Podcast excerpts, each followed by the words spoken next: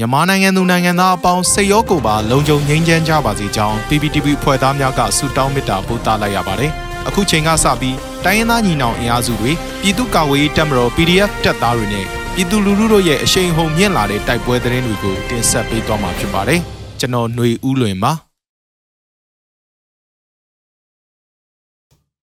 ပထမဆုံးအနေနဲ့မြင်းမှုမြို့နယ်ကစစ်ရင်နှန်းကိုမိုင်းဆွဲတိုက်ခိုက်မှုမှာစစ်သားထိခိုက်ဒေဆုံးမှု20ဦးအထိရှိနိုင်တဲ့တဲ့တင်ကိုတင်ဆက်ပေးမှာပါ။စကိုင်းတိုင်းမြင်းမှုမြို့နယ်မှာစစ်ကောင်စီရင်နှန်းကိုမိုင်းဆွဲတိုက်ခိုက်ရာ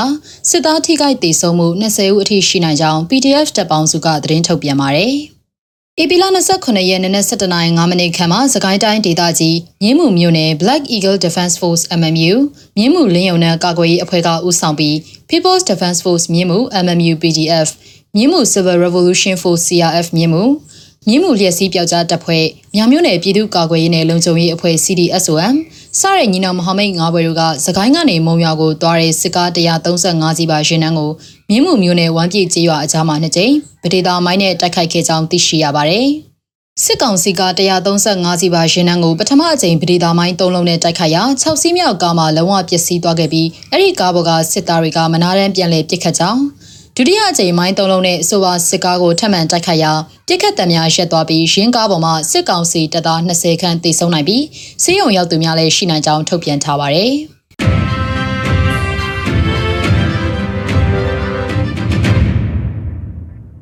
ဆက်လက်ပြီးကလေးမျိုးနယ်မှာတိုက်ပွဲဖြစ်ပွားကစစ်ကောင်စီတပ်သား18ဦးသေဆုံးပြီးလက်နက်3လက်နဲ့ခဲယမ်းများရရှိတဲ့တဲ့ရင်ကိုတင်ဆက်ပေးပါမယ်။ စကိုင်းတိုင်းကလေးမြို့နယ်မှာ AP လ29ရက်နေ့ကတိုက်ပွဲဖြစ်ပွားပြီးစစ်ကောင်စီတပ်သား18ဦးသေဆုံးကလက်နက်3လက်နဲ့ခဲယမ်းများတင်ဆက်ရမိပြီးစစ်ကောင်စီတပ်သားများခွေးပြေးဝက်ပြေးထွက်ပြေးကြကြောင်း PDF ကလေးကသတင်းထုတ်ပြန်ပါတယ်။ AP လ29ရက်နေ့နနက်ပိုင်းကအကြမ်းဖက်စစ်ကောင်စီတပ်ဖွဲ့တွေဟာအင်အားတရာခန့်နဲ့ကလေးမြို့နယ်အကြောင်းပိုင်းအရှိစည်းရွာဘက်ကိုစစ်ကြောင်းထိုးလာခဲ့ရာနနက်၈နာရီခွဲခန့်မှာအရှိစည်းရွာရဲ့မြောက်ဘက်မှာ PDF ကလေး CDF KKG RKDF နဲ့ ပကဖပူပေါင်းတပ်ဖွဲ့တွေနဲ့တိုက်ပွဲဖြစ်ကြောင်းယမန်နေ့ည9နာရီအချိန်ခန့်အထိတိုက်ပွဲဆက်လက်ပြင်းထန်လျက်ရှိကြောင်းသိရှိရတာပါ။တိုက်ပွဲအတွင်းစစ်ကောင်စီဘက်မှ15ဦးခန့်သေဆုံးက၎င်းတို့ထံမှ MA2 မောင်းပြန်တနက်တလက်0.95ကာပိုင်းမောင်းပြန်တနက်2လက် 5.56G အတောင်80နဲ့0.95ကာပိုင်း G အတောင်200 MA2 G အိမ်တစ်ခု0.95ကာပိုင်း G အိမ်3ခုတို့ကိုတင်ဆက်ရခဲ့ပါတယ်။ ပူပေါင်းတပ်ဖွဲ့တွေဘက်က PDF ကလေးတပ်ဖွဲ့ဝင်2ဦး RKDF တပ်ဖွဲ့ဝင်2ဦးစုစုပေါင်း4ဦးထိခိုက်ဒဏ်ရာရရှိခဲ့ကြောင်းတစ်ချိန်တည်းမှာကလေးနည်းပညာတက္ကသိုလ်ဘက်မှတောင်ပိုင်းဘက်ကိုအင်အား30ခန့်နဲ့စစ်ကြောင်းထိုးလာတဲ့အကြမ်းဖက်စစ်ကောင်စီတပ်ဖွဲ့တွေကို PDF ကလေးတပ်ဖွဲ့များကမွန်းလွဲတနာရီခွဲခန့်အချိန်မှာတာယာကုန်းရွာနဲ့ထောက်ကျန်ရွာအကြားမှာကြားဖြတ်တိုက်ခိုက်ခဲ့ပြီးမွန်းလွဲ၄နာရီခန့်အထိတိုက်ပွဲပြင်းထန်ခဲ့ကြောင်း၎င်းတိုက်ပွဲအတွင်းအကြမ်းဖက်စစ်ကောင်စီတပ်သား3ဦးသေဆုံးပြီးကလေးနည်းပညာတက္ကသိုလ်ဘက်ကိုအကြမ်းဖက်စစ်ကောင်စီတပ်ဖွဲ့တွေပြန်လည်ဆုတ်ခွာသွားခဲ့ကြောင်းသိရှိရတာပါ အကြံဖက်စစ်ကောင်စီတပ်ဖွဲ့တွေဟာယမန်နေ့နေ့လယ်2နာရီဝန်းကျင်ခန့်ကလည်းကလေးမြို့နယ်တောင်ပိုင်းရေရှင်ရွာဘက်ကိုအင်အားတရာခန့်နဲ့စစ်ကြောင်းထိုးလာခဲ့ရာလမ်းကြောင်းတစ်လျှောက်မှာ PDF ကလေးတပ်ဖွဲ့တွေကမိုင်းဆွဲတိုက်ခိုက်ခဲ့တာကြောင့်အကြံဖက်စစ်ကောင်စီတပ်သားအများအပြားထိမှန်သေဆုံးနိုင်ကြောင်းသိရှိရပါတယ်။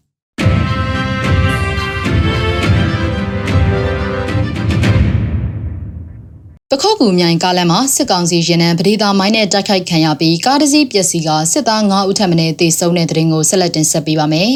။မကွေးတိုင်းပခုတ်ကူမြို့နယ်မြိုင်မြို့ကိုဆက်သွယ်ထားတဲ့ကားလမ်းပေါ်မှာတွာလာနေတဲ့အကြမ်းဖက်စစ်ကောင်စီတပ်ဖွဲ့ကို AP လ29ရက်ည9:10မိနစ်ခန့်မှာပျောက်ကြားအဖွဲ့များကပဒေသာမိုင်း၁၀လုံးနဲ့ဖောက်ခွဲတိုက်ခိုက်ရာစစ်ကားတစ်စီးမြောက်တက်သွားပြီးစစ်သား9ဦးထပ်မံတေဆုံးနိုင်ကြောင်းပခုတ်ကူမြို့ပြပျောက်ကြားတပ်ဖွဲ့ PUGF ကသတင်းထုတ်ပြန်ပါတယ်။ မိုင်းခွဲခံရပြီးထိခိုက်ဒဏ်ရာရတဲ့စစ်ကောင်စီတပ်ဖွဲ့ဝင်တွေကိုလူနာတင်ရင်တွေနဲ့အကြိမ်ကြိမ်လာရောက်တည်ဆောင်နေကြောင်းယနေ့ AP လ28ရက်နေ့နက်9နာရီအထိလူနာတင်ရင်များရှိနေသေးကြောင်းအကြံဖက်စစ်ကောင်စီတပ်ဖွဲ့မှအရာရှိတအူးလည်းထိခိုက်ဒဏ်ရာရရှိသွားကြောင်း PUGF ကဆိုပါရယ်တိုက်ခိုက်မှုကို PUGF နဲ့ကျေးလက်ဒေသပျောက်ကြားတပ်ဖွဲ့များမျိုးကပူးပေါင်းပြီးလှုပ်ဆောင်ခဲ့ခြင်းဖြစ်ကအထိခိုက်မရှိပြန်လည်ဆုတ်ခွာနိုင်ခဲ့ကြောင်းသိရှိရပါတယ်။ အလားတူမကွေးတိုင်းပုံညာဒေသမှာစခန်းချနေတဲ့အကြမ်းဖက်စစ်ကောင်စီတပ်ဖွဲ့ကယမန်နေ့ AP လ29ရက်ညနေ9:00နာရီမှာရှုခင်းသာရေရှင်ကိုရေချိုးဆင်းလာတဲ့စစ်သား၈ဦးကိုရောဒေတာကာကွယ်ရေးတပ်ဖွဲ့တရင်73ကစောင့်ကြိုတိုက်ခိုက်လို့စစ်သား6ဦးသေဆုံးပြီးစစ်သား2ဦးမှာဒဏ်ရာနဲ့ထွက်ပြေးလွတ်မြောက်သွားကြောင်း YDF ကသတင်းထုတ်ပြန်ပါတယ်။ရောဒေတာကာကွယ်ရေးတပ်ဖွဲ့ YDF ရဲဘော်များအထူးကိမရှိစုခွာနိုင်ခဲ့ကြောင်းလည်းထုတ်ပြန်ချက်မှာဖော်ပြပါရှိပါတယ်။